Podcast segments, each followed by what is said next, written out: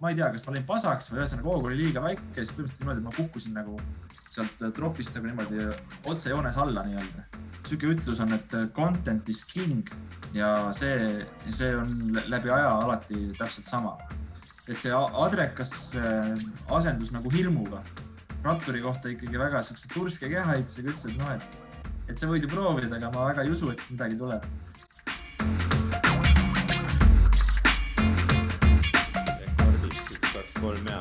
tere tulemast podcast'i, Aivar. tere, Hendrik, aitäh kutsumast. ja ma ei ole kolm korda järjest alustanud mitte ühtegi podcast'i, et meil on natuke huvitav olnud siin algus.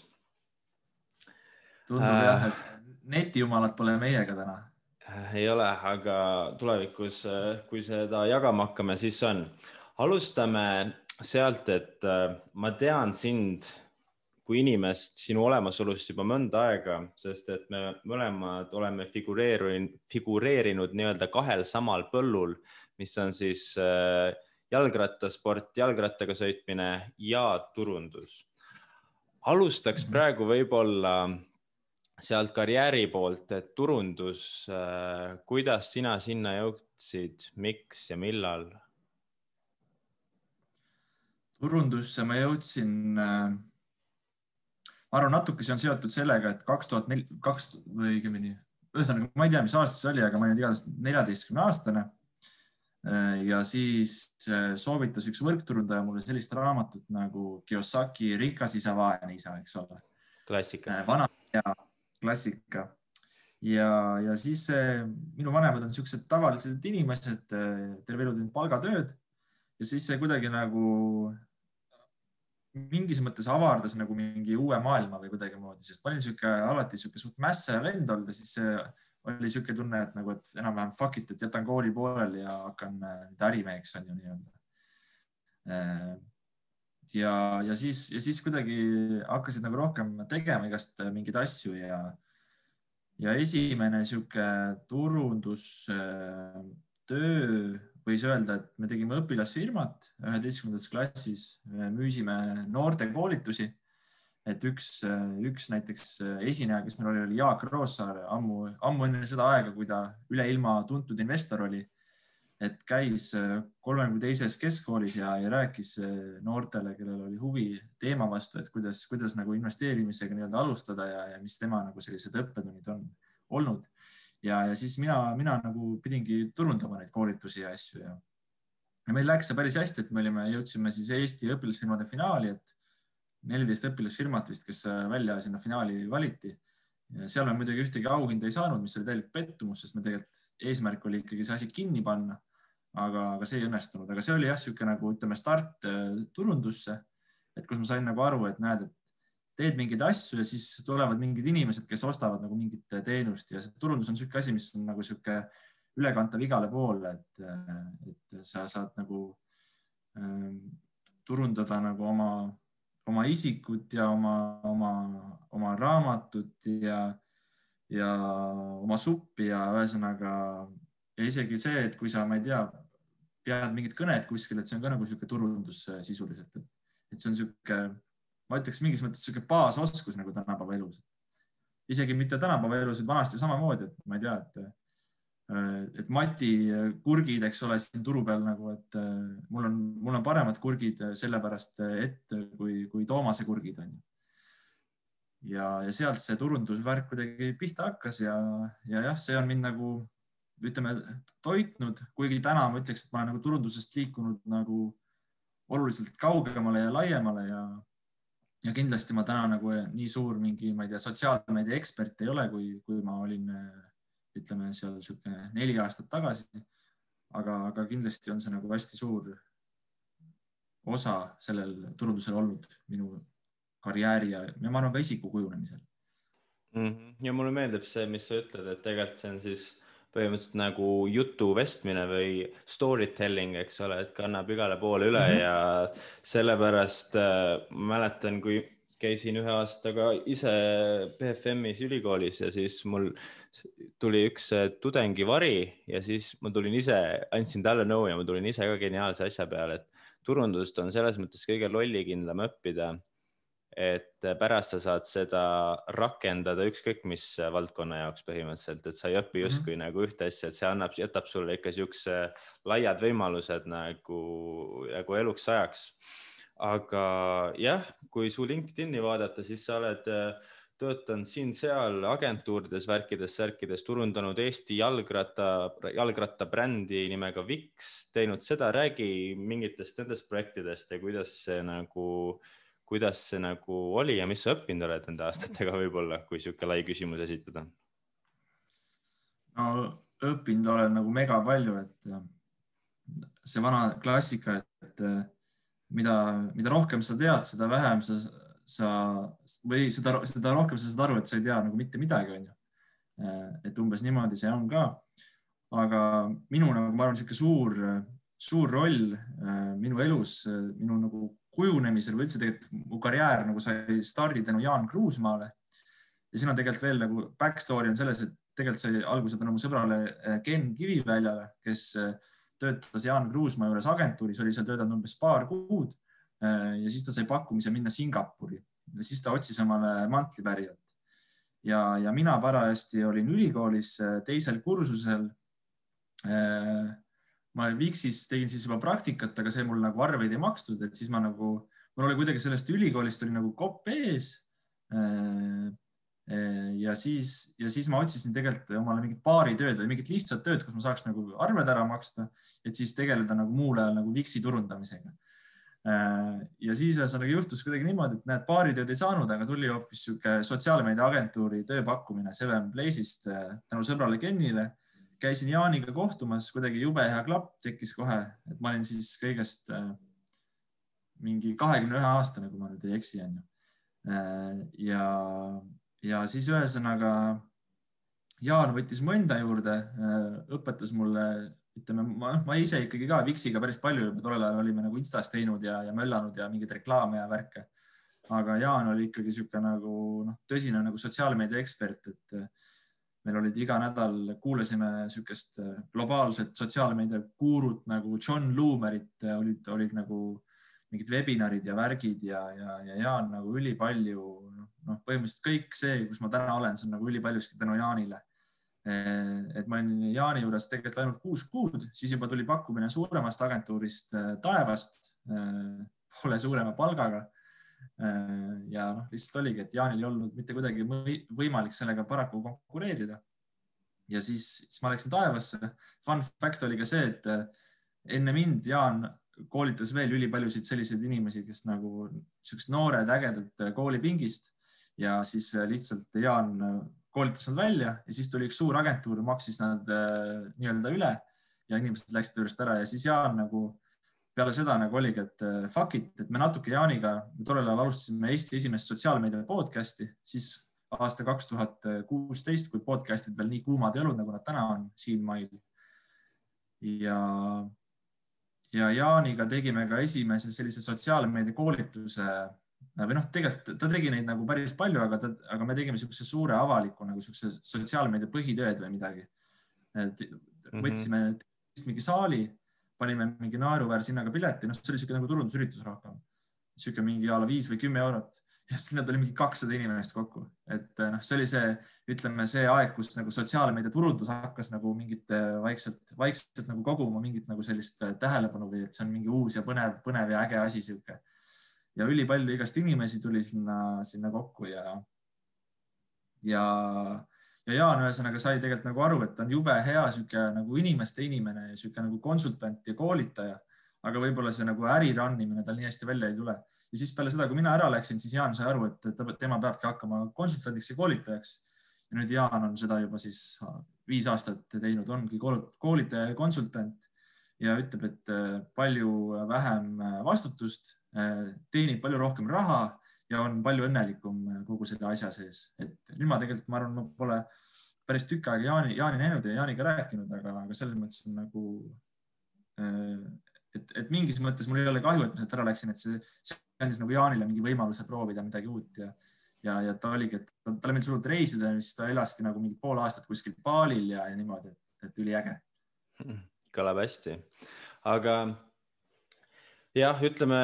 kui sa oled äh, nii-öelda juba suurtematest agentuuridest läbi käinud, eks ole, sa oled turundanud siis Wixi ühte brändi eraldi täiesti. tänaseks sa oled jõudnud mm -hmm. välja Converse'i, sa oled siis Baltic brand manager, nagu ma LinkedInist nägin, on sinu ametinimetus.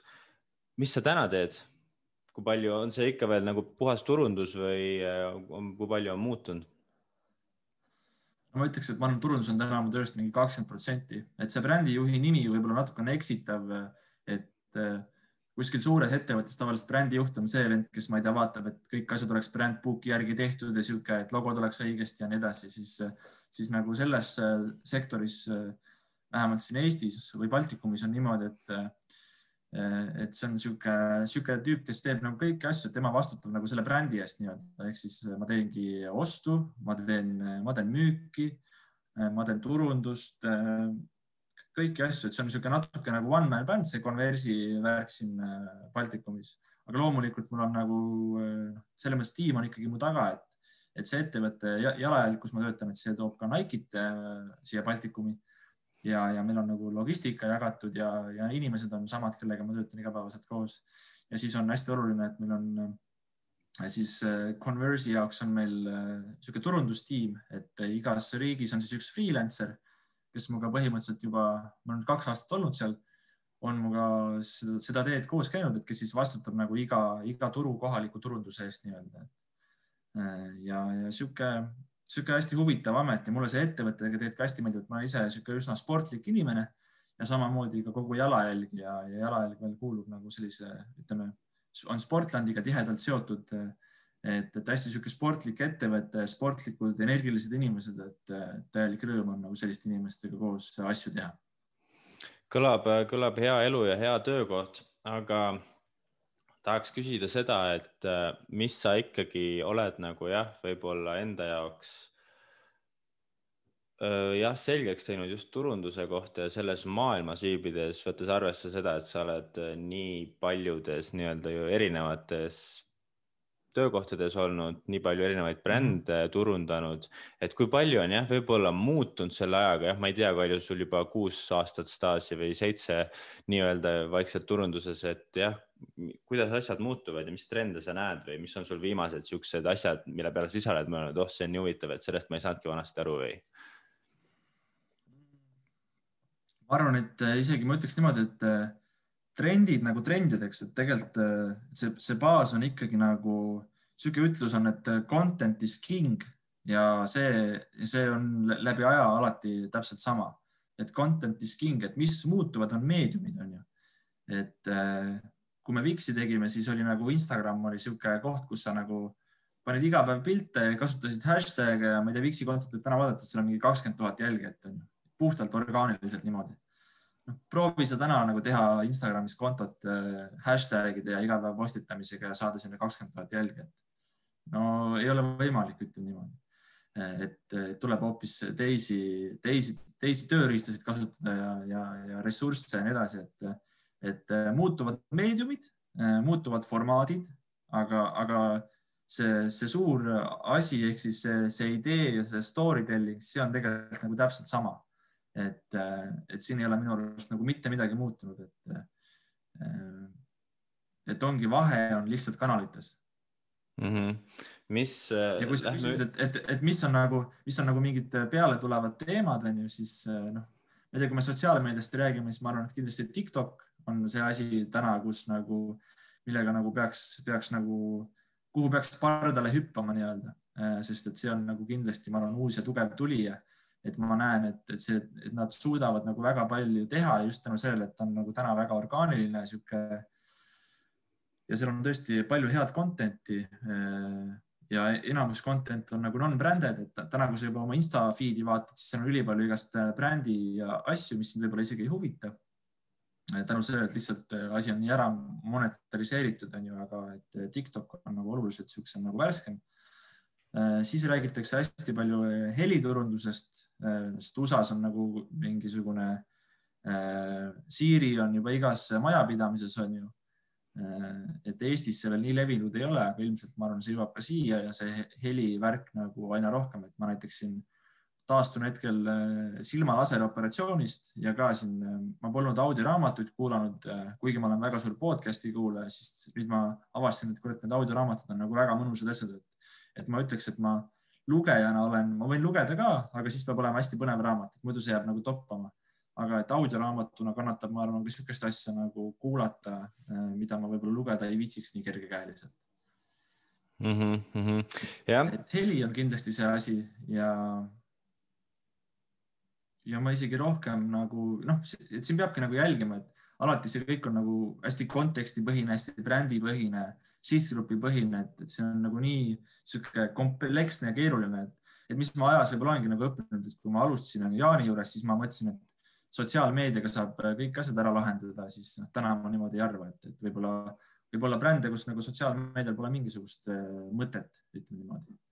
mm. -hmm, mm -hmm. jah, ma olen tegelikult sinuga ka täiesti nõus ja kui Tiktokist rääkida ja üldse jah, võib-olla nendest äh, helist ja sellest, siis mul, ma ise olen sellised järeldused teinud võib-olla, et Eesti on delay's nii-öelda USA-ga, ütleme mhm. sihuke üks-kaks aastat, mhm. et seda on päris huvitav vaadata, aga suht alati läheb sinna, sinna suunda. et jah, kui ma praegu olen ise ka näiteks kasutanud Tiktoki enda podcast'i jaoks, panen lihtsalt sinna mingeid klippe ülesse, siis jah, mhm. viis tuhat vaatamist mingil klipil on nagu siin paari nädalaga tulnud, pole mingit probleemi aga jah, ütleme, et tundub, kui käia kommentaariumis ja vaadata seda muud content'i, siis see tundub sihuke natuke eestlaste kolmnurk on nagu sinna üle kolinud äh, mingi nurga alt, eks ole, aga, aga tegelikult see ongi -hmm. see, et noh, Instagram oli ka alguses, eks ole, mingi söögipiltide või mille jaoks ta oli tehtud, eks ole, ja Snapchat ja kõik asjad, et tegelikult äh, see hakkabki nii-öelda vaikselt muutuma ja tegelikult juba, kui sa vaatad äh, jah, USA content'i, siis seal on täiesti, täiesti vaatamisväärsed asjad ja siuksed nagu ongi, et inimesed kolivad, vahetavad platvormi lihtsalt, et kes ikka viitsib eluaeg seal Instagramis olla, et see on mm, -hmm. see on tõesti väga huvitav äh, tähelepanek kui rääkida veel siin esimeses pooles äh, nii-öelda karjäärist ja tööalastest tegemistest, siis äh, viimasel ajal sa oled nii-öelda enda ettevõtmistega natukene läinud sinna,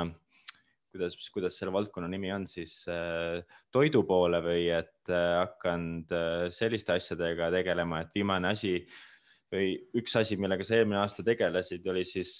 Fuzzy Box, nagu ma aru saan. -hmm. räägi sellest, mis see oli ja kuidas selle projektiga läks ma veel enne lisan sulle siia ühe mõtte juurde, et ehm, see trendide teema pole mitte ainult sotsiaalmeedias, vaid see on kõiges, et näiteks kui me võtame ketsid, siis, ehm, siis läheb üks paar aastat, et need ketsid, mis on nagu USA-s hyped, mingi mudel jõuaks siia Baltikumi, et see oleks siin Baltikumis ka hyped. et see on nagu, see kandub üle igale poole põhimõtteliselt, mitte ainult turundusse. jah, okei. nii, küsimus Fussibox. Fussibox oli siis ühesõnaga, see on nagu mega pikk lugu, aga äh, tegelikult on niimoodi, et kunagi, kui ma hakkasin äh, esimest õpilasfirma ideed tegema, siis mul oli esimene mõte, et äh, tahaks teha tervislikku kiirtoitu, sellepärast et kuidagi noh, Macid ja Hessid ja siis vaatasid jälle USA poole. USA-s oli siis tollel ajal üks sihuke väga jõudsalt kasvav ettevõte nagu Chipotle mis siis on niisugune burrito kett põhimõtteliselt. tänaseks on neil neli tuhat äh, kohta üle maailma, enamus on küll USA-s ja minu arust UK-s ja kuskil on veel näpuotsaga. ja, aga siis äh, noh, ma rääkisin õpetajale sellest ka, ta ütles, et kuule, et see on nagu ikka väga-väga keeruline asi, et, võta ikka midagi lihtsamat nagu ette. no noh, oligi keeruline ja ühesõnaga võtsimegi midagi lihtsamat ette. ja siis see asi nagu jäi täiesti Äh, ja siis läks mööda äh, peaaegu kümme aastat, onju. ja kui ma eelmine sügis, äh, ma arvan isegi varem, võib-olla eelmine suvi või mitte eelmine, siis kaks tuhat üheksateist käisin kuskil kaalu peal nagu see, see töö, mis ma täna teen, see on nagu hästi liikuv, et käid nagu palju poodides, käid inimestega kohtumas. on mingid, ma ei tea, photoshoot'id, värgid, särgid ja oled ülipalju kuskil nagu on the run nii-öelda, mis tähendab ka seda, et see vallandub ka sinu nagu, mõjutab ka sinu toitumist päris palju. et, et sööd nagu hästi palju mingit kiiret asja ja siis oligi kuidagi see, et nagu ma ei tea, et, et enam-vähem kolm korda nädalas sõid mingit šaurmat, onju, siis, siis käisid paar korda nädalas kuskil Hessis ja Mäkis.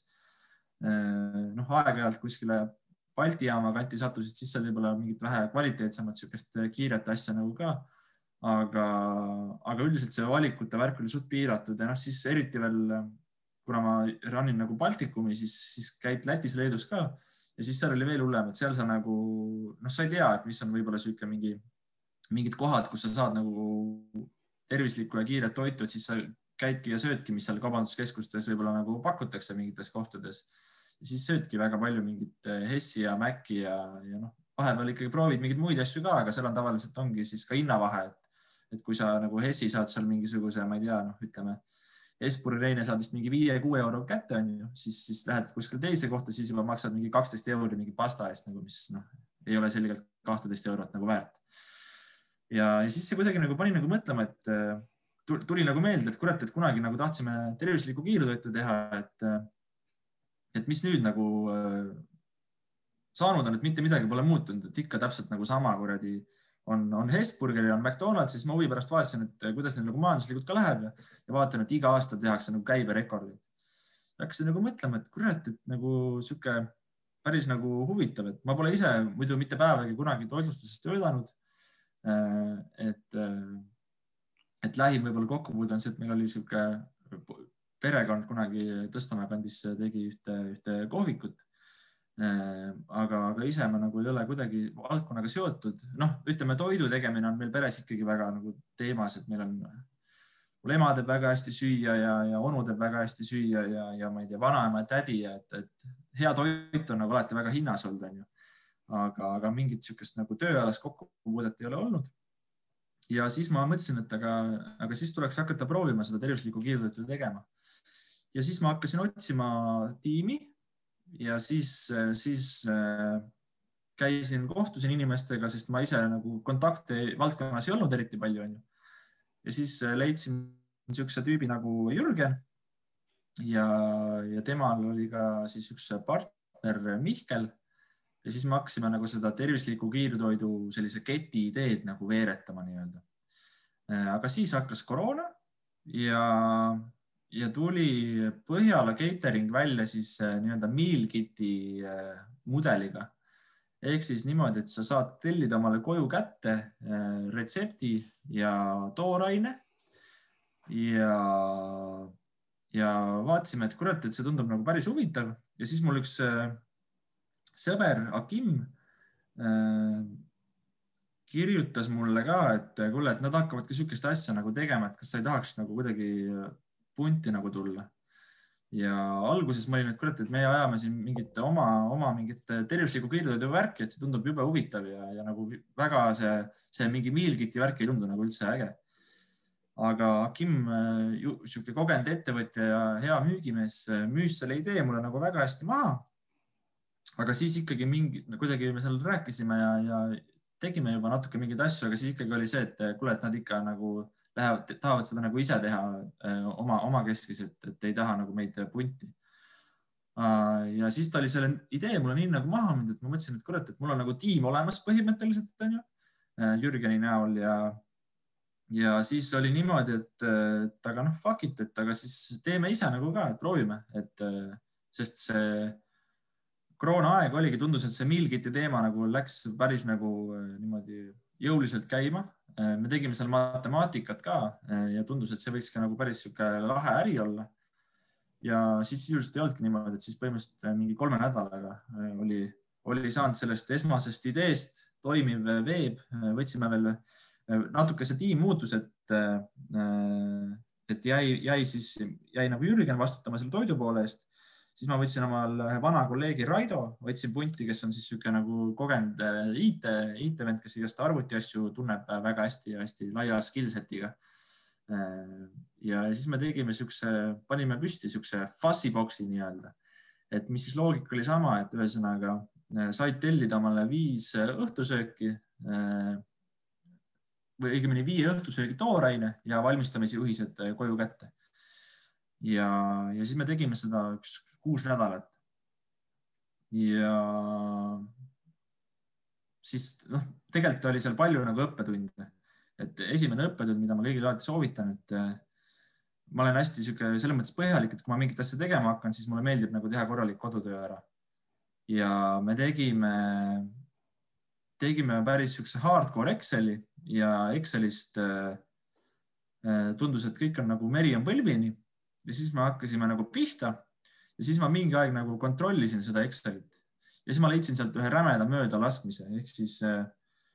mul oli tehtud see Excel äh, muidu niimoodi, et ta oli nädala aja kaupa mm.. ei, ta oli, ta oli tehtud kuu aja kaupa, ühesõnaga jah. see Excel oli tehtud kuu aja kaupa, sihuke prognoosi nagu finantsprognooside Excel põhimõtteliselt, kus igast tulud ja kulud ja värgid sees. aga transport oli ainult nädala aja oma. Ja siis mm. ühesõnaga transpordikulu oli neli korda väiksem, kui, kui ta tegelikult oli. ja siis, kui transpordikulu sai sisse, siis põhimõtteliselt niimoodi, et kogu matemaatika kukkus kokku, et äh, suurepärasest ärist äh,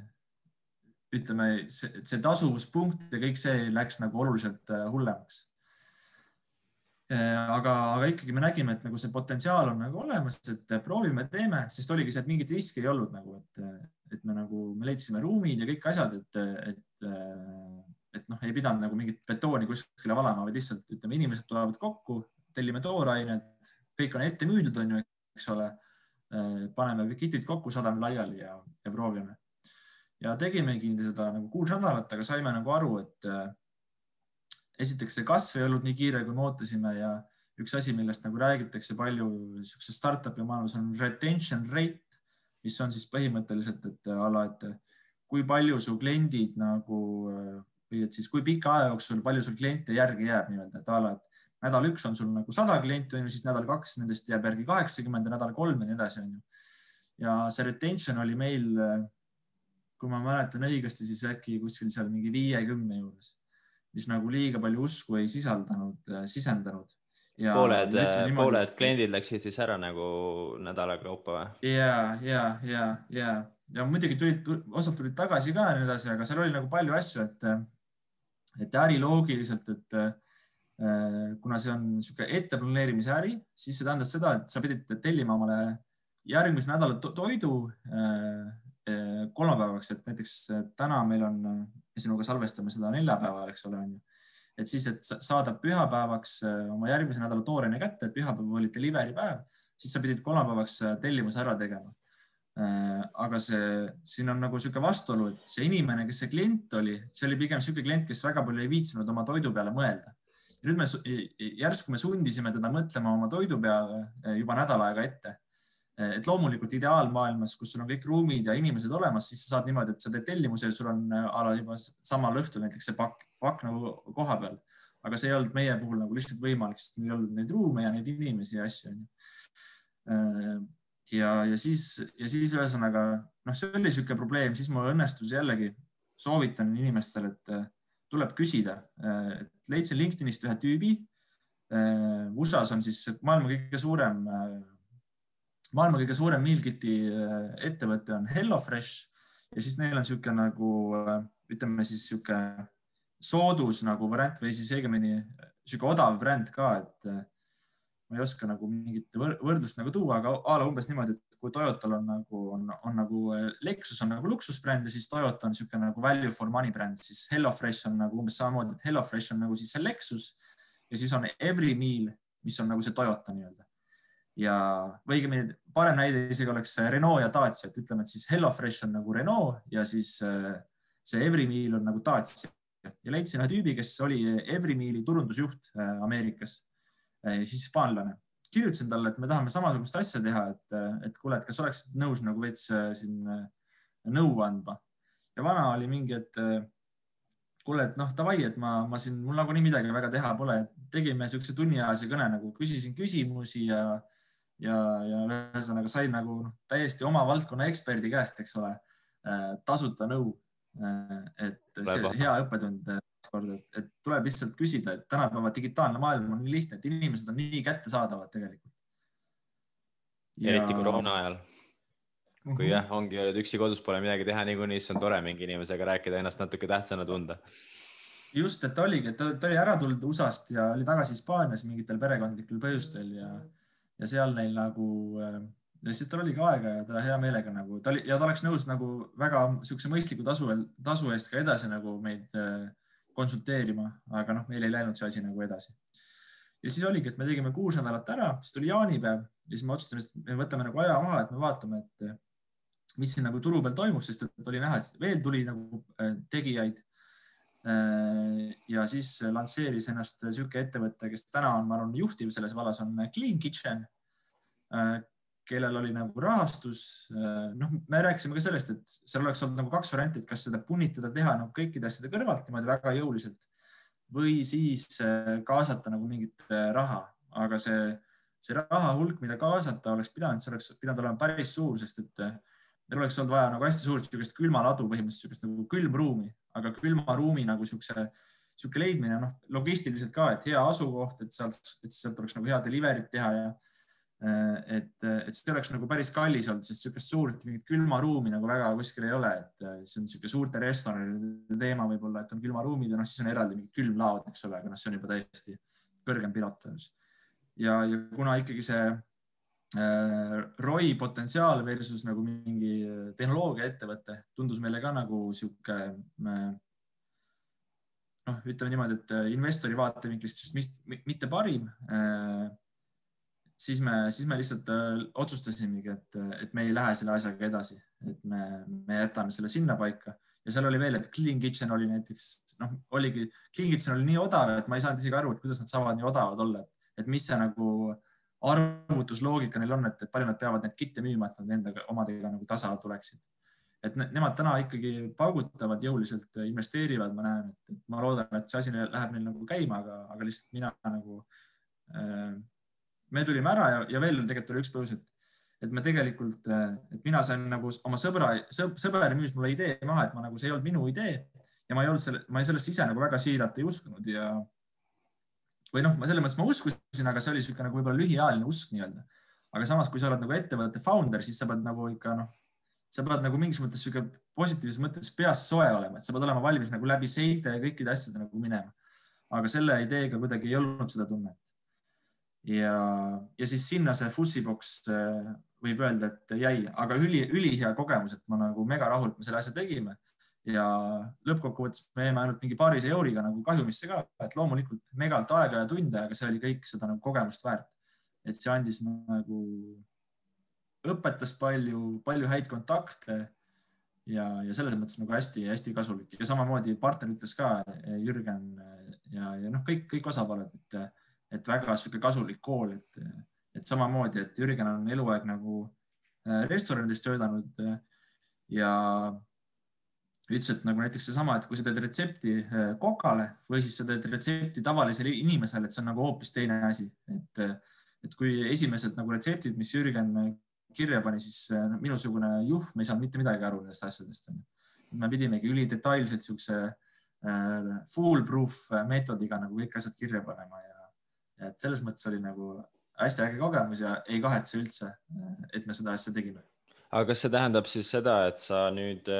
toiduärist hoiad ennast eemal ja enam sis sisenemisest, sisenemist ei plaani või, või mis järeldused sa tegid selles plaanis? selles plaanis tegin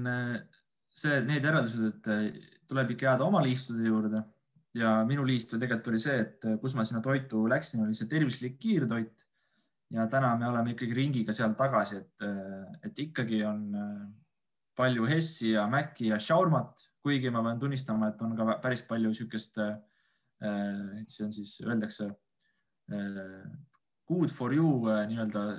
toidusegment, et on ka siin päris palju toimumas, et igast pokebowle ja asju siin nagu tuleb väga jõuliselt ja hoogsalt. aga, aga ma näen ikkagi, et siin on nagu, nagu võimalust ja potentsiaali on ja me ikkagi täna oleme sealmaal, et ma tahaks loota, et siin mõne, mõne kuu pärast äh, saame nagu nii-öelda ilmavalgust äh, siin näidata ühele, ühele siis, äh, ühele kohale ja vaatame ja. siis, mis sellest saab et ambitsioon on, et sellest saaks niisugune suur kett. et minu jaoks inimeste tervis ja heaolu, see on nagu hästi oluline, et, et, et see missioon, miks ma seda asja teen, ongi, et teha inimesi õnnelikumaks ja energilisemaks, sest et, et kust nagu tegelikult meie tervis pihta hakkab, et praegu ka, eks ole, ma olen siin kodukontoris olnud juba põhimõtteliselt peaaegu kuu aega. taastun silmalaseroperatsioonist, mul võtab see palju rohkem aega kui tavaliselt, et praegu on juba üle kahe nädala möödas, aga ikka ma näen arvutis noh, näiteks Hendrik Puntsot loen siin ekraani pealt, siis see on õudune, see tekst minu jaoks on ju ja, ja, ja sa, sa hindad jälle seda nagu väga siiralt, et kui oluline on see tervis nagu meie jaoks, et, meil oleks nagu tead, et sul on see energia ja see asi, et kui ja kui seda nagu tervist ei ole, siis pole mitte midagi, siis sa oled õnnetu ja, ja nii edasi ja, ja, ja see kõik hakkab nagu toidust pihta, et kui sa sööd hästi, sul on hea olla, sa jõuad palju teha. ja, ja hästi söömine tähendab seda, et, sa sööd nagu päris toitu, päris toorainet. et ka burger võib olla väga tervislik ja, ja, ja see ongi see nagu driver, miks ma nagu, miks ma seda asja nagu teha tahan. Vaatame, mis sellest tuleb. väga ausad pointid. Ähm,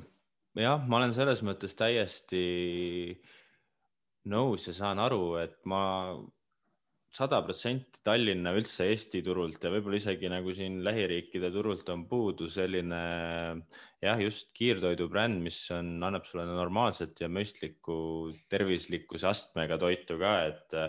kui me mõtleme, siis revolutsioonid on igas muus valdkonnas toimunud, et täna saab mobiiliga tellida, noh, sa saad toitu ka tellida mobiiliga, eks ole, ja Woldid asjad on kõik olemas, aga minu enda igapäevaelus justkui ei ole palju muutunud, et ma ostan ikka selle paki riisi ja, või noh, mis ma teen siin, et kui seda asja kuidagi automatiseerida, sest et see võtab nii palju jälle, kui ma eelmine osa rääkisin Roomet Pommiga, siis ta ütles, et ta kannab mustasi riideid sellepärast, et see on üks ainult musta värvi riideid, et siis sul on vähem otsuseid, mis teha, see on see Steve Jobsi mentaliteet, eks mm -hmm. ole. siis mind just, just, ennast just. kotib nii palju see, mis ma söögiks teen, see on nii, eriti kui sul on tüdruksõber oi plää, siis äh, mis me õhtuks sööme, onju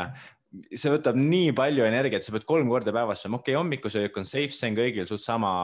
selle Just. grammi järgi onju, aga mis ma söön, eriti kui sul on mingid tegusad päevad, siis ongi nii lihtne kuskil statist mööda minna ja võtta endale purks, eks ole, ja see mingisugune mm -hmm. tulekahju ära kustutada, aga see mm -hmm. ei mhm. ole mingi lahendus ja teisalt ongi, kui mm -hmm. sa mhm. tahad midagi väga head ja kvaliteetset, noh, ütleme Balti jaam on väga hea näide, seal need veegmašiinid ja värgid nagu. absoluutselt, ülihead aga..., ülihead valikud jah, aga point on jälle see, et eh, jah, kuigi võib-olla sealt tulebki see, et sa enam nii head kvaliteediga asja ei saa odavamalt teha, siis kui noh, kui ma tahaksin nelja-viie euro eest saada lõunat, eks ole, siis selle kvaliteetseid ja siukseid tervislikke variante põhimõtteliselt ei olegi, eks ole, et siis sa pead jälle mm -hmm. minema kuskile Selverisse ja hakkama ise kombunnima mm -hmm. seal, et kas ostad kodujuustu ja mis iganes mm -hmm. kokku ja teed, et äh, ma olen nõus ja kindlasti, kindlasti sihuke väga oodatud toode turule nagu. ma pean sind muidugi kurvastama, et nelja-viie euriga me ka ei suuda mitte kuidagi seda müüa, et, et meie see hinnaklass jääb ka sinna seitsme-kaheksa euri kanti, et, et meil on ka see üks asi, et me tahame eelistada kohalikku toorainet ja, ja, ja siis noh, ongi, et ma ei tea, parim näide minu arust on, et kui sa võtad näiteks kala, on ju, et Norra lõhe, mida sa saad osta kuskilt supermarketist, roogitud lõhe, filee, vahest võib-olla isegi seitsme euroga kilo näiteks on ju aga samas, kui ma tahan näiteks äh, Saaremaal on niisugune koht nagu Pähkla forell,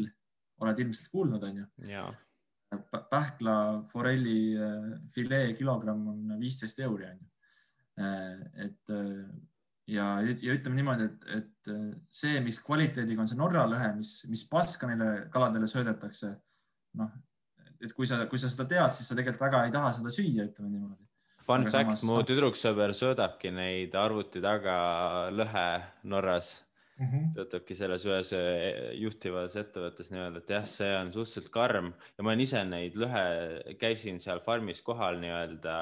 vaatasin, seal oli sihuke kala, kuradi ujus, et tal silmad olid nii punnis, et ma arvasin, et need iga hetk plahvatavad lihtsalt, et see ja. ei olnud väga positiivne ja. vaade. see on, see on haige kala, et soovitan äh, selle äh, head vaata, vaatamist on ka selle kohta, et näiteks äh, see räägib, üks film on sihuke, mis räägib siis äh, kuidas me, me siirdame kala tänapäeva maailmas päris palju, et ka Eestis, eks ole, lõhet, forelli, ühesõnaga kasvatame kuskil akvaariumis maimud valmis ja laseme need loodusesse. ja, ja see räägib sellest, kui, kui nagu mõttetu tegevus see on, et see on Patagonia film kui ma nüüd ei eksi, siis see on äkki Chasing Salmon, või midagi sellist. ja see räägibki nagu sellest, et kuidas noh, see on nii jabur tegevus, et loodus ise saab tegelikult endaga hakkama, aga inimene arvab, et see on jube hea, et kui sa kasvatad akvaariumisse nii-öelda mingid kalakesed valmis ja lased nad loodusesse ja nad elavad seal rõõmsalt, et noh, see on umbes sama, et sa paned nagu inimese kuskile mingisse puuri, noh, enam-vähem vanglasse, annad talle süüa ja, ja nii edasi. ja, ja paned sinna veel neid palju inimesi ühte puuri ja siis lihtsalt üks päev lased nad, nad tavalisse ellu ja, ja siis nad peavad seal nagu hakkama saama, et noh, ütleme niimoodi, et nad ilmselt väga hästi hakkama ei saa. inimene muidugi on maailma kõige äh, adaptiivsem liik, et me ilmselt saame nagu oluliselt paremini hakkama kui, kui igast muud liigid. aga, aga selles mõttes, et noh, lõppkokkuvõttes see ei ole nagu nii lihtne, et Äh, et, et äh, me ei saa loodusesse niimoodi sekkuda, noh, seal ongi veel, kui sa vaatad ka selle kala nagu rasvasisaldust, siis see on nagu mingi poole suurem, kui ta on näiteks looduslikul kalal ja ja, ja, ja kõik siuksed väiksed nüansid, et, et, et ma olen ka sellest nagu aru saanud, et, et hea toit maksab nagu veidi rohkem tavaliselt ja seal on ka nagu mingi põhjus, äh, miks see niimoodi on. et täna ka just käisin lõunal ühe sõbraga ja ja, ja ka tema teeb niisugust asja nagu ökosahver ja tema on nagu hästi suur mahetoidu nagu sihuke maaletooja ja austaja, et samamoodi, et tal oli hästi palju igast allergiatega probleeme viisteist aastat tagasi. ja, ja nüüd ta on nagu päris palju nagu oma, oma menüüs muutnud, sööb väga palju mahetoitu ja päris paljud allergiad on ära kadunud tegelikult. et ja see on kõik sellega seotud, et, et kui sul sihuke, ütleme seitsekümmend aastat tagasi eh, see kemikaalide hulk, millega inimene igapäevaselt kokku puutus, oli nagu oluliselt eh, väiksem, kui see täna on, eks ole, et sul olidki nagu mingi, ma ei tea, noh, heal juhul, kui oli üks seep, eks ole, millega pesti nagu kõiki asju, eh, ennast ja ma ei tea, juukseid ja, ja võib-olla isegi riideid, eks ole, on ju, ja ja, ja, ja ma ei tea, meigivahendeid võib-olla ei olnudki väga, okei okay,, tegelikult meigivahendid juba seitsekümmend aastat tagasi vist olid siin ka olemas, on ju. aga aga noh, tänase, eks ole, sa lähed nagu poodi on ju, sul on, sul on äh, igast šampoonid, seebid äh,, ma ei tea, palsamid äh,, kõik nõudepesutabletid, kõik puhastusained, eks ole, seda, seda keemiat meie ümber on nagu hästi palju ja see kõik tegelikult, et noh, et kuskilt tuleb mingi piir ette, et sa ei suuda nagu nende asjadega hakkama saada. ja, ja jah, ma isegi ei tea, kuidas me siia jõudsime, aga, aga et ühesõnaga see, see keemia hulk maailmas meie ümber on palju suurem, kui ta oli nagu äh, palju aastaid tagasi ja tänu sellele tasub nagu mõelda, et mis, mis keemiat sa oma, oma ümber, oma peale nagu tood.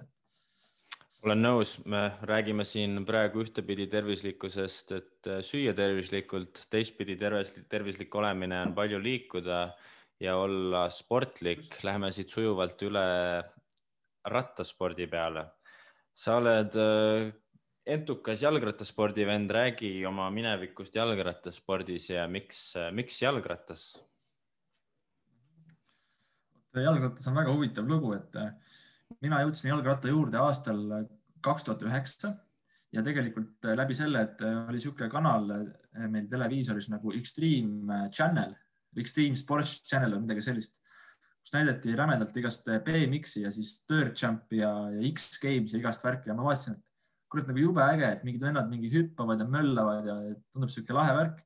ja siis ma hullult nagu käisin oma vanematele pinda, et mul on ka nagu vaja sihukest dirt jump'i ratast nii-öelda. Ehm, aga noh, seda ratast ma muidugi kohe ei saanud, et siis äh, ma sõitsin mingi isa ratta, hüppasin äh, Tallinna poiss äh, siin pooleneisti nagu ma olen. Veski, Veskimetsa siis loomaaia värava juures oli vanasti kaks sihukest hüpekat kus, kus siis äh, oma klassivendadega käisime seal nagu nii-öelda hängimas ja, ja hüppamas ja siis, kui ma ühe oma isa ratta amordi olin kõveraks hüpanud, siis äh, ja siis ma olin veel, kogusin raha ja kuna, kuna nagu mul ei oldud nõus äh, seda ratast ostma, sest noh, tol, tollel ajal see maksis mingi sihuke, ma arvan, mingi nelisada euri või midagi sellist oli see. Hawaii's oli Mongoose Ritual oli see siis, mis mu see Holy Grail oli nii-öelda tollel ajal aga seda Mongoose mul ei olnud valmis ostma ja siis ma olin, et okei okay,, fuck it, ma siis panen ise ratta kokku, siis ma nagu noh, tegid ikka mingit raha kuskilt sünnipäevaks või mis iganes, ajasid nagu kokku vaikselt ja siis hakkasin nagu mingeid juppe ostma. siis mul oli nagu voodialune oli juba täis mingid rattaraamid ja mingid amordid ja, ja siis, kui paps sai nagu teada, et ma olin juba mingi, ma ei tea, kakssada viiskümmend euri sinna alla pannud, aga see nagu noh, ütleme, et ratast, ratast oli ikka veel asi kaugel, siis ta oli, et okei okay,, et kuule, et täitsa nagu mõttetu tegevus, et minu arust mul oli, oligi sünnipäev tuli siis ka ja siis ostsime mulle selle oranži monguus rituali ära ja, ja siis äh, sellest hakkas nagu kõik mingis mõttes pihta, et siis, äh, siis olime, käisime seal Veskas hüppamas, käisime skatepargi, parkides. ma muidugi olin hästi andetu, et äh, pigem ma ütleks pigem sihuke argvend, et kui teised ja, ja ka trikkide mõttes, et ma ei tea, teised tegid juba mingi kolmkümmend senti bunnyhop'i ja viskasid mingeid üks kaheksaid flat'is, siis mina nagu noh, hea, kui said mingist väiksest äärekivist üles enam-vähem et olin, olin, olin täielik, täielik nuub ja siis äh, aga mulle hullult meeldis, et miks see, et ratas minu jaoks väljendas vabadust, et see oligi see, et sa olid niisugune nagu pubekas, niisugune neljateistaastane vend onju. ja, ja selle rattaga sa nagu saidki, et läksid kuskile linna peale, sõitsid seal, kus sa tahtsid. ja, ja ehitasid mingeid hüppeid ja värke, see oli nagu noh, ülim vabaduse vorm, et mingis mõttes ma ütleks, et sellist vabadust, mis oli tollel ajal, et ma nagu arvan, et seda ma ei ole isegi rohkem vist kogenud, et see oli niisugune nagu noh, kirjeldamatu tunne, et võib-olla sul on natuke sama case, kui sa mõtled ka, kui sa seal Tattorid ja rattatrenni läksid, et, et kui te seal äh, rääkisite äh, eelmisest podcast'ist oma neid noorpõlveratturi lugusid, eks ole, et siis, siis ma ei tea, kas, kas seal oli nagu sama teema natukene või ei olnud, aga, aga igatahes mul ta hakkas nagu sellisest väga sellisest nagu äh, vabadusest ja siuksest loomevabadusest nagu pihta. ja. kuidas no,, kui jah, ma olen äh, nõus, et vabadus ja see liikumine ja kiirus ja kõik asjad äh, tõmbavad ühte mm -hmm. teismelist poissi aina rohkem ja rohkem, eks ole, ja seal on kõik need mm -hmm. komponendid olemas, eriti kui on hea seltskond, värk-särk, nii ta läheb. aga okei okay,, sina jõudsid nagu siis nii-öelda jalgrattani seda teed pidi, aga järgmine ja. aste, kuidas sa jalgrattaspordini jõudsid? Äh, ja, ja see on tegelikult ka veel väga pikk lugu, et siis äh, aastal kaks tuhat kümme kuidagi ma nägingi nagu, et ma ei tea, sõbrad tegid juba, viskasid kolm kuutisid, aga mina ei saanud oma bunnyhopiga ikka väga hästi hakkama. Äh, ja samas ma olin nagu tegelikult hästi sihuke eluaeg sportlane olnud, et ma käisin, ma ei tea, korvpallis ja siis ma käisin karatees ja karatees ma olin isegi koondises. et, et ikkagi sihuke väga nagu sporditaustaga ja siis ma nagu natuke mõtlesin, et kurat, et nagu tahaks ka mingit spordivärki teha ja sealsama, sama see Extreme Channel näitas ka downhill'i onju. ja, ja,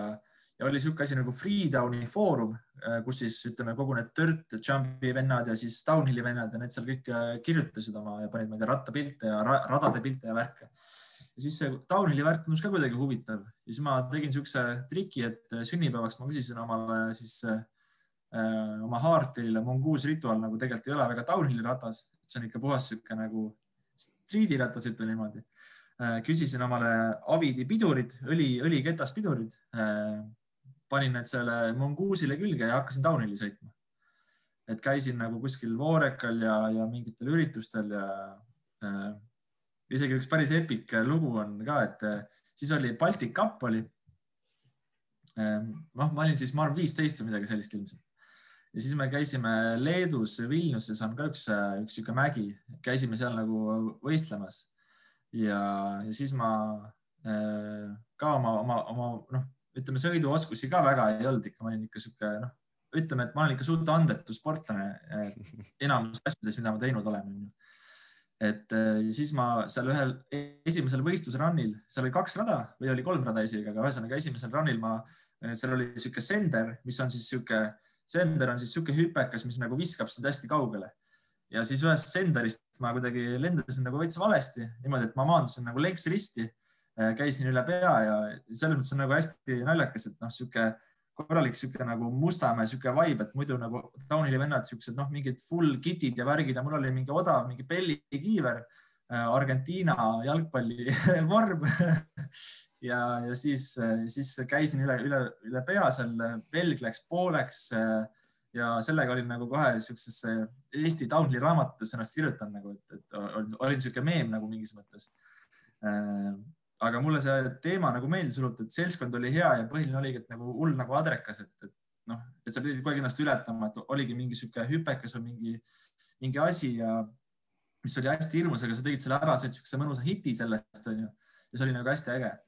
ja, ja siis see downhill läks nagu edasi, et järgmine aasta äh, käisime kuskil Soomes, seal oli üks äh, full susseri raam hästi odavalt müügis. Full susser on siis nii-öelda kahemordiline ratas, et see Mongoose oli sihuke äh, ühemordiline ees sada millimeetrit onju. siis see oli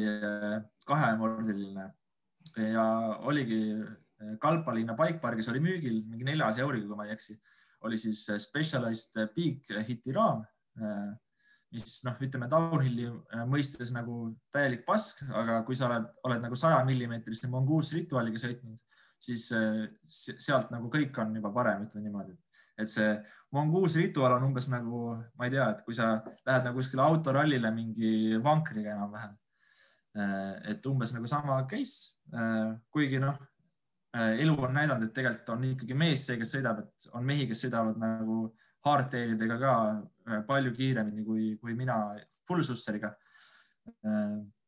aga siis, siis ma sealt kuidagi sain ka mingid, mingid rahad kuskilt sai kokku aetud ja siis ma ostsin selle, selle Big Hiti raami ära. ja siis ma ostsin siit Eestist mingi amordi ja siis ma panin nagu tõstsin nii-öelda need jupid ümber ja siis mul oli niisugune korralik kahemordiline ratas olemas ja siis ma tollel aastal isegi, see oli nüüd kaks tuhat, äh, ma arvan, et see oli kaks tuhat üksteist vist jah, siis ma tulin äh, Eesti Downhilli meistrikatel Kütiorus äh, kolmandaks juunioride klassis. kuigi ma mäletan, et ma võitjalt sain kalendriga, et võitja oli muidugi hästi kõva ka, et võitja oli isegi Euroopa tasemel siin sõitis nagu suht normaalselt. aga noh, ikkagi, et olin, olin ikkagi olin nagu, olin andetu, olin arg aga mulle ikkagi meeldis hullult, et ma käisin, tegin trenni ja möllasin ja talvel mingi jõusaali ja värke ja, ja asju. Ja, ja siis järgmine aasta oli veel nagu tahtsin veel suuremat ette võtta, tegime oma mingi tiimi, kuna ma sihuke asjaajaja nagu olin, onju. siis me tegime oma tiimi nimega Vast Racing, üks, üks sõber tuli ka punti uue rattaga kuidagi ajasin kokku, et jälle vana vist müüsin maha ja mingid rahad kuskilt eh, tegin mingeid asju või ma ei mäleta isegi, aga ühesõnaga kuidagi sain mingi uue ratta veel kuskilt, oli, oli ka üks eh, Mongoose sihuke juba päris downhill'i ratas. Ja siis see kaks tuhat kaksteist oli vist see aasta, et siis, siis oli see, et näed, nüüd see aasta ma nüüd paugutan kõvasti. ja siis oli niimoodi, et eh, me olime hooaja esimene start oli minu arust Lätis äkki Riekstu Kalns on üks sihuke mägi. olime seal ja juhtus ja oli üks niisugune väga triki tropp, et downhill'is on see, et sa pead neid igast troppe hüppeid laskma, sest et kui sa lähed chicken line'i, mis on siis äh, see koht, kus äh, bussid sõidavad ühelt poolt ja teiselt poolt, kui sa lähed chicken line'isse, kaotad rämedalt aega. aga kuna aeg on kõige tähtsam asi seal, siis, äh, siis nagu noh, ütleme nii, et tuleb nagu lasta asju. ja oli üks niisugune väga triki tropp peale ühte kurvi ja, ja nagu ma mediteerisin ta jube pikalt, aga siis lõpuks oli ikkagi see, et davai, et ikkagi noh, tuleb peale, peale kallata nii-öelda Äh, aga ühesõnaga ähm, ma ei tea, kas ma olin pasaks või ühesõnaga hoog oli liiga väike, siis põhimõtteliselt niimoodi, et ma kukkusin nagu sealt äh, tropist nagu niimoodi otsejoones alla nii-öelda. Äh, peaga maha ja siis üle pea nagu niimoodi. Õnneks mul oli nagu kehakaitse seljas, et see nagu päästis, ütleme, ma arvan, väga palju päästis see, aga põhimõtteliselt niimoodi, et noh, mul oli ikka nagu ringkere ja selg oli nagu päris pikalt valus sellest crash'ist. ja siis see nagu pani kurat mõtlema natukene, et et noh, et kas, et kas see kõik nagu on seda väärt, et noh, sest selle, selles mõttes on niisugune vigastuste ohtlik ala küll, et kogu aeg tüübid, ma ei tea, iga, iga, iga, võistlus oli ikkagi kiirabiauto käis nagu mäe peal korra, kes seal murdis mingi rang, äh, rangluu ja noh, ma tean isegi üks tüdruk kunagi Kütjarus murdis mingi vaagnaluu ära ja selles mõttes, et noh, see oli nagu päris, selles mõttes päris jõle oli see asi. Äh, ja, ja siis oligi, et see minu arust see nädalavahetus ma isegi ei võistelnud äh, rohkem, et või ei sõitnud, et ma, ma panin ikka nii nagu korraliku paugu, et kuidagi nagu noh, väga halb oli olla ühesõnaga peale seda, seda asja. ja siis ma veits taastusin ja siis ma läksin äh,, läksin nagu äh, sinna äh,. tulin tagasi Eestisse ja minu arust Voorekal oli siis Eesti hooaja esimene start. ja siis Voorekal on ka seal niimoodi, et ühel rajal on niimoodi, et seal on alguses on kaks niisugust suurt hüpet ja ma kuidagi julgus oli juba see aasta päris nagu oluliselt parem, aga muidugi iga nagu selle crash'iga sul kuidagi nagu see jääb, jääb nagu vähemaks nii-öelda, et seal ongi see, et freeride'i tüübid, kes seal Red Bull Rampage'il nagu näiteks käivad, et nad räägivadki sellest, kuidas nüüd, kui sa kuskil paned nagu crash'i on ju, sa pead kohe uuesti minema, et sul nagu seda mingit mental blokki ei tuleks nagu. et mul nagu natuke selle Lätiga mingi midagi natuke läks nagu kehvasti, aga ikkagi see, et davai, et tuleb peale kallata ja siis ma mäletan seal Voorekal oli niimoodi, et ma selle teise nagu hüppe äh, hüppasin nagu liiga üle, et äh, hüppetehnika oli nagu natuke sitt selles mõttes, et kui sa oled osav vend, siis sa surud nagu hüppe maha, aga, aga ma seda ei osanud teha ja siis ma lendasin niimoodi, et see oli niimoodi, et see oli esimene hüpe, siis põhimõtteliselt kohe tuli teine hüpe ja siis peale teist hüpet tuli niisugune nagu, niisugune nagu väike, kaks niisugust nagu kaamliküüru, niisugune nagu pump track'i niisugune koht nii-öelda, et, et ütleme, saada ennast järgmises kurvi nagu sisse keerata mõnusasti. Aga ma ja seal ja põhimõtteliselt niimoodi, et see teine hüpe läks nagu kohe selleks nagu selleks pump track'i kaamliküüru läks üle. Aga põhimõtteliselt oli niimoodi, et ma hüppasin selle teiseni üle, et ma lendasin sinna pump track'i nagu otse sisse ja siis ma lendasin nagu puusse. Äh, ja, ja, ja siis mul oli kiiver, sodi ja, ja kuidagi peale seda äh, hakkasid nagu mõtlema, et kurat, et nagu, et, et noh, et what's the value nagu selles osas, et, et see, et see adrekas äh, asendus nagu hirmuga ja siis sealt kuidagi läkski nagu alla, hakkas nagu see downhill'i allakäik olema, aga mind samal ajal hakkas huvitama XC et kuna ma tegelikult töötasin kooli kõrvalt äh, Specialisti poes tollel ajal ah,, vot jah, see oligi see koht, kus äh, raha sai teenida, et rattajuppe osta. Ja Specialisti mehed, tuntud siuksed cross country austajad on ju. et siis see teema hakkas mind nagu huvitama ja siis oligi kuidagi niimoodi, et ostsin mingi XC ratta omale ja, ja käisin äh, siis Kalevi rattakoolis seal Aado Heina juures nagu jutul, et kuule, et tahaks nagu mingit cross country't proovida sõita, et, et, et mis sa nagu arvad. Aado muidugi vaatas mind, ma olin juba seal ajal sihuke, noh, ma arvan, mingi meeter kaheksakümmend kaheksa kindlasti sihuke ka ratturi kohta ikkagi väga siukse turske kehaehitusega, ütles, et noh, et, et sa võid ju proovida, aga ma väga ei usu, et midagi tuleb. Ja siis ma mäletan, et me käisime, ma arvan, et see oli siis äh, kaks tuhat kaksteist ilmselt äkki või, äh, mingi tiim Rattapood kapp äh, Rakveres. käisin seda sõitmas, noh, ma polnud, ega ma polnud väga trenni ka teinud, et ise olid käinud küll mingi kolmapäevakutel, MTV kolmapäevakud Tallinnas on siis sihuke ihtse üritus nii-öelda ja ikka käisid ja seal nagu tuli täitsa okeilt välja, aga siis oligi, et seal, ma arvan, et see vanuseklass oli ilmselt siis U kuusteist äkki või oli juba juunior. ühesõnaga üks kahest ja siis ma sõitsin seda XC-d seal Rakveres ja noh, ma enam-vähem, ma arvan, ma sain mingi kolme ringiga pähe või midagi. ja noh, siis ma sain aru, et, et noh, et ütleme nii, et mul väga vist lootust siin XC-s nagu ei ole ka. ja siis, aga mulle ikkagi väga XC meeldis, et ma nagu tegelesin sellega edasi. ja, ja siis oli põhimõtteliselt niimoodi, et keskkool sai läbi. Läksin ülikooli. ma arvan, et mul mul äkki mingi maanteeratas vist äkki oli juba olemas või kuidagimoodi. Ehm, ja siis ma sain nagu aru, et noh, et, et noh, kui minust nagu cross country's mingit asja nagu ei saa, ehm, siis, siis tuleb seda maanteevärki nagu proovida. siis sa lähed Tour de France'ile? Ehm, põhimõtteliselt küll et siis tuleb minna nagu Tour de France'ile on ju, eks ole. ja, ja siis ma hakkasin nagu maanteel, noh, tegelikult on niimoodi, et kaks tuhat viisteist oli siis sihuke hooaeg, kus ma nagu proovisin tõsiselt võtta, sest mul nagu isa support'is seda rattavärki kuidagi mõnusasti. ma olin keskkooli kõrvalt äh, piisavalt töötanud, et mul rattad olid olemas, ehk siis ma ei pidanud nagu äh, rattaid ostma, sest see oli mulle, mulle selles mõttes vanemad nagu seda rattasporti niimoodi ei toetanud, et äh, siin, et ma ei tea, et poeg, et siin on kaks tonni, et osta ratas omale, vaata. et ise mäletan, ma ei tea, töötasin Spessus mingi ühe suve mingi kaks kuud sellest, et mingi, mingi rattaraam nagu endale saada, noh. tagantjärgi muidugi mõtled, et kurat, et nagu päris, päris ikka huvitav, mis prioriteedid nagu olid, aga, aga noh, see oligi minu elu oli see rattavärk nagu. ja, ja siis ma olin nagu keskaja kõrvalt piisavalt nagu pappi kokku andnud, et omale mingid normaalsed rattad ajada. et siis oligi, et kui ma läksin ülikooli, siis ma otsustasin, et okei okay,, et nüüd ma tööd ei tee, et ma nüüd proovin nagu seda spordivärki teha, et vaatame, kuidas see asi nagu läheb, onju ja siis oligi kaks tuhat viisteist, ma läksin, käisin KJK-ga Hispaanias laagerdumas äh, ja, ja, ja tegin, tegin, sõitsin ja, ja, ja käisin. Äh, esimene maanteevõistlus oli Kuusalu äh, rattaralli. ütleme taktikaliselt täiesti idioot, et niisuguse suure kutina nagu oleks pidanud kuskil tuules ikkagi pigem istuma ja ja, ja üritama nagu nii-öelda ellu jääda, aga ei, ikka, ikka oli vaja mingeid vahesid seal proovida kinni vedada ja nii edasi ja noh, ütleme niimoodi, et tõmbasin end seal korralikult rihmaks ja ma arvan, et olin seal mingi. ma arvan, et see oli isegi, see ilmselt ei olnud nagu peapunt, see oli mingi teine punt, kus ma ilmselt lõpetasin nagu lõpuks. ja noh, sihuke täiesti mõttetu tulemus, ütleme niimoodi. ja siis veel mingid äh, paar maanteevõistlust veel ja noh, tegelikult oli juba äh, aru saada, et ega ma nagu väga kõva,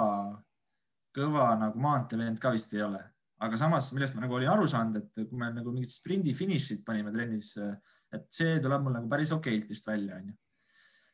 ja siis oli veel see aeg, kus Tallinnas oli toimiv trekk ja Aado ka ja noh, ütleme kogu, kogu KJK punt ikkagi väga sihuke treki usku nagu, nagu punt, et Ats arvas, et, et, et võiks nagu seda treki värki proovida. et siis oli veel Oliver Keller ka, kes oligi sihuke, tegi nagu, tegigi treki trenni, et ta käis isegi Euroopakat minu arust see aasta. ta tegi paigalt starti ja, ja siis, siis ma käisin ka nagu seal treki trennis nii-öelda Kelleriga ja ja, ja, ja tegime, tegime niisugust treki spetsiaalettevalmistust mingi paar kuud. ja see trekk tuli mul nagu päris hästi välja, et eh, oli niimoodi, et eh, Tallinna meistrikatel oli vist niisugune huvitav, noh, eh, muidu see on naiste distants või ma isegi ei tea, kas täna naistel ka on, aga oli vist viis sotti paigalt oli, siis seal lätlased olid ka kohal ja ma olin seal eliidis teine aeg. Et Keller, Keller oli esimene ja noh, selles mõttes ka, et Kelleril muidugi nagu korralik tehnika ka ikkagi kõik sihuke full, mina olin selle alumiinium Sinelliga onju, eks ole. Äh, mis oli ka tegelikult väga normaalne ratas, aga, aga tehnika oli nagu parem. ja. nii et full track'i vend. põhimõtteliselt full track'i vend, et noh, siis oli aru, et see on nagu ainuke asi, milles mul nagu võib rattaspordis mingi lootus olla. jah, kahju, et sa sinna viimasena jõudsid jah, põhimõtteliselt küll. et ja siis oli niimoodi, et Estikatel ma olin kolmas, et jõu poolest oleks olnud teine, aga kes meil see üks vana, vana trekivend on, kelle lapsed ka kõik trekki sõitsid, mul ei tule praegu nimi meelde. minu arust tütar töötab täna e-hotellis ka, on, on seal asjapulk. Idarand jah, Idarand jah e, Eerik, et Eeriku käest ma sain pähe, kuigi Eerik, Eerik on nagu hästi kogenud trikisõit selles mõttes onju. aga, aga vormi mõttes ta tollel ajal enam nagu sihuke, ütleme, nägi sihuke mamil rohkem juba nagu välja, aga kogemus tal oli ja ikkagi jalg oli ka kõva. aga, aga ma sain e Eeriku käest, ma sain pähe, nii et ma lõpuks olin siis kolmanda koha sõidus ja noh, selle ma võitsin. aga. okei okay,, okei okay,, Ailar, meil läheb juba siin siukseks äh niisuguseks full tulemustepõhiseks äh, jutuajamiseks ära. see on igav minu arvates.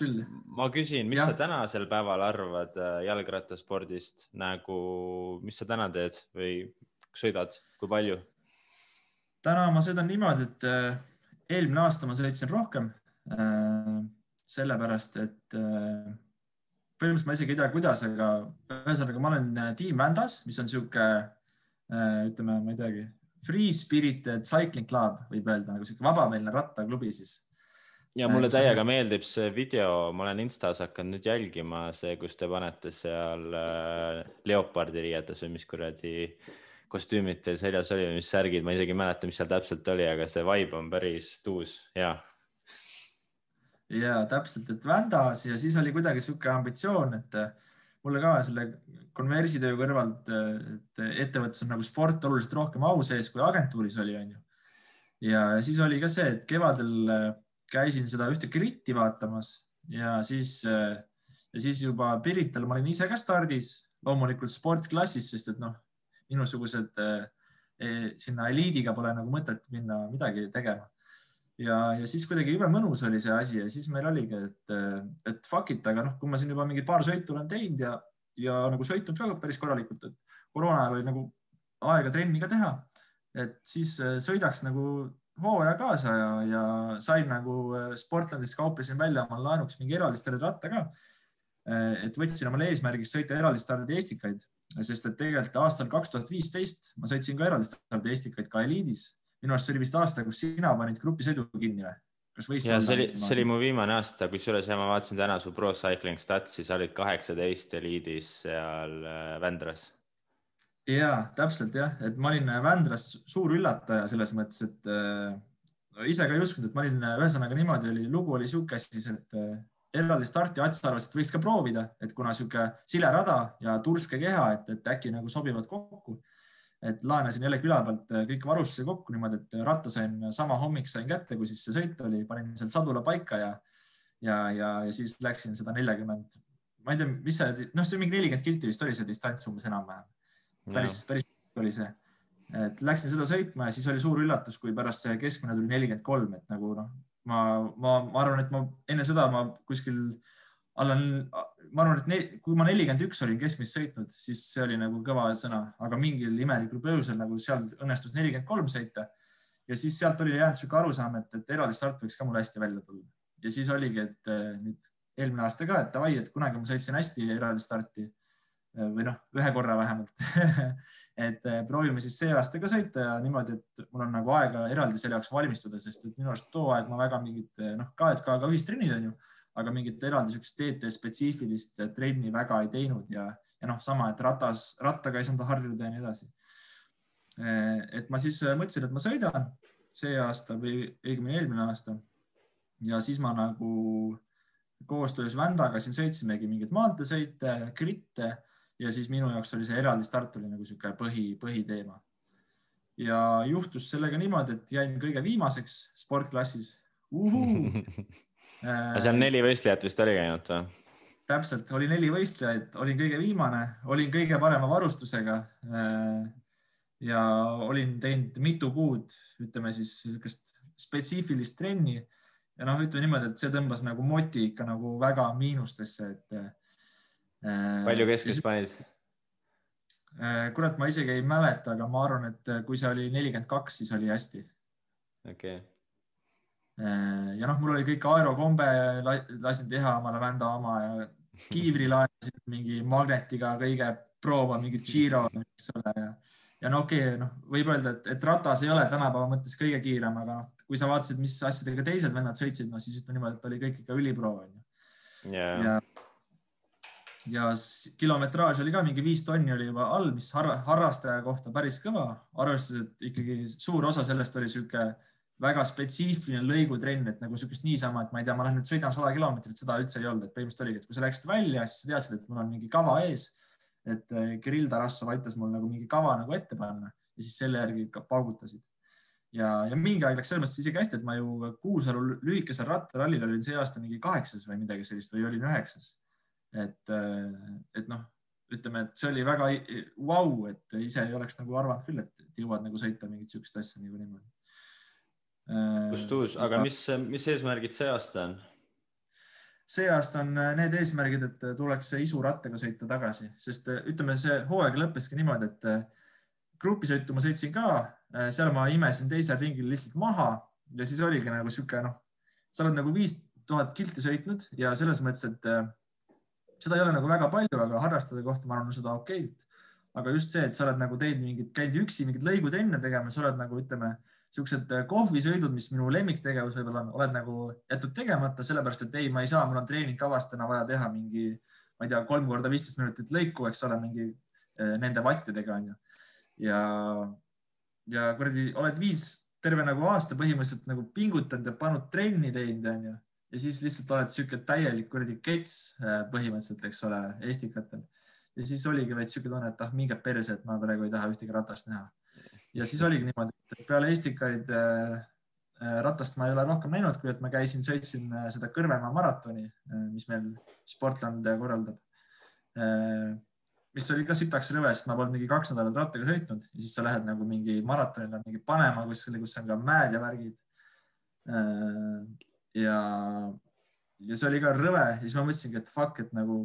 ma tahaks lihtsalt nagu, tahaks nagu chill ida, et rattasõidu nagu mõte minu jaoks on ikkagi paljuski see, et sa nagu chill'id ja mingi ägedate inimestega teed mingit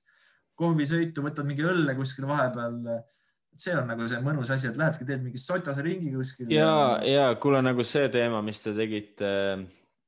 Kristoga ja Ristoga ja kes teil veel seal olid, see mm -hmm. bikepacking nii-öelda, eks ole, see teema, mhm. mis mulle on hakanud ülipalju huvi pakkuma, ma ei ole ise kunagi seda teinud mm, -hmm. aga ma kindlalt tahan ja gravel cycling üldiselt, eks ole, täiesti uus liik, mis on tegelikult ka nüüd USA-st tuleb nagu ikka paariaastase mm -hmm. delay'ga jõuab Eestisse. ja, ja see on, ma arvan, teema, kuhu poole jalgrattasport läheb ka, eks ole. räägi, mis teil, sa tead sellest valdkonnast palju rohkem kui mina. Ja Gravel on teema, et isegi ka umbes täpselt aasta aega tagasi ostsin ka omale Gravel ratta. et me tegelikult on niimoodi, et me oleme selle samasuguse satsiga, natuke erinevate koosseisudega käinud juba matkamas mingi alates kaks tuhat kuusteist aastast et kaks tuhat kuusteist me sõitsime Kristoga koos, see, see polnud siis gravel, aga ütleme maanteekatega sõitsime ümber Eesti. seal oli ka natuke kruusa, aga pigem oli ikkagi asfalt. ja siis me käisime Soomes. ja ma mõtlen, kas ma olen midagi ära unustanud. käisime Soomes, midagi ma olen vist ära unustanud ah,, äkki jäi üks aasta mul vahele, võib-olla võis ka niimoodi olla. aga ühesõnaga me käisime Soomes sõitsime seal arhipelaagides ka niimoodi mingi viiepäevase siukse tripi, ka täielik seiklus nagu ja see oli juba gravelitega selles mõttes, et oli kruusa, oli asfalti. Tõnis Savi, hea, hea mees jooksrattastuudiost laenas oma Sibot mulle, oma Pelagot. ja siis, ja siis kuidagi see talv ma nagu mõtlesin, et see graveli teema tundus hästi huvitav, et, et mulle just sihuke nagu adventure cycling nagu meeldib, et sa vaatadki, et mingi tee läheb, et keerame sisse, vaatame, kus see viib, onju ja siis ma ostsin omale ka Graveli ja ma ütleks, et see on mu üks parimaid nagu rattaostusid, mida ma teinud olen just sellest vaatevinklist, et nagu reaalselt sa saad selle rattaga nagu igale poole minna. Ta on nagu nii, nii, nii igale poole, et noh, okei okay,, võib ju öelda, et bike'iga saab ka minna, aga noh, ütleme niimoodi, et bike'iga nagu mingit kruusateed nagu väga uhada ei ole nagu mõnus. noh, eriti mul, et mul on ka, mul on nagu full suspension bike, ei ole ka mingi kõige kergem, on ju, et kui sul on võib-olla mingi kümnekilone S-Works Epic, et siis on võib-olla teine asi, aga, aga siukse, siukse raske bike'iga kuskil mingit kruusateed sõita. Ja, ja gravel rattad näevad nii ilusad välja ka, ma ilastan neid iga päev Instagramis põhimõtteliselt, et see on yep. Äh, minu, minu uus äh, eesmärk samamoodi, ma arvan, et äh, tahaks täiega sinna minna ja nüüd jah, kui ma Norras olen, siis siin on veel nii palju huvitavat, palju maastikku, mida avastada ka aga kuule, meil on aeg äh, sealmaal, et äh, ma küsin sult ühe viimase küsimuse, mida ma ikka küsin enda külalistelt. milleks on, mis nõu annaksid sa kahekümne aastasele iseendale, Ailarile? ma annaks sellist nõu, et äh, mul õnneks väga palju kahetsusi pole, aga ma ütleks seda, et tuleks veel rohkem proovida igast asju. et äh, kui sa oled kakskümmend, siis äh, siis nagu ma ei tea, tahad kuskile mingi, mingi valdkond huvitab, mine kirjuta meil, mine praktikale.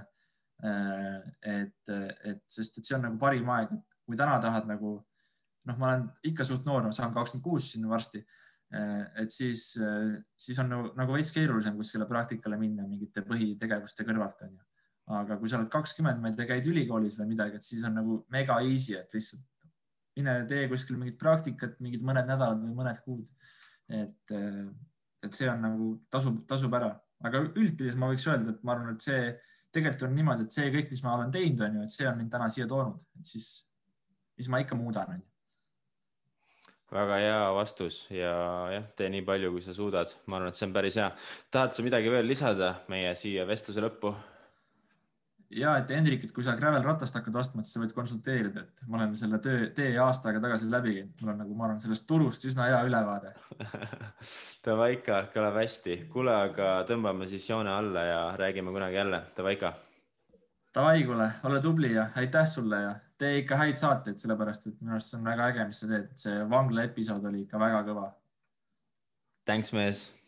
Davai. teeme edasi ja tšau Nonii, loeme episoodi lõppenuks. suured tänud, et sa kuulasid ka seekord minu podcasti osa ja kui sulle meeldis see, mida sa kuulasid, siis palun jaga seda kellegagi, kas sotsmeedias või saada otse kellelegi, kellele võiks olla sellest äh, osast rõõmu. igastahes äh, kui midagi on, siis ikka joonista ja kirjuta ja kohtume järgmine kord. Davai ikka, tšau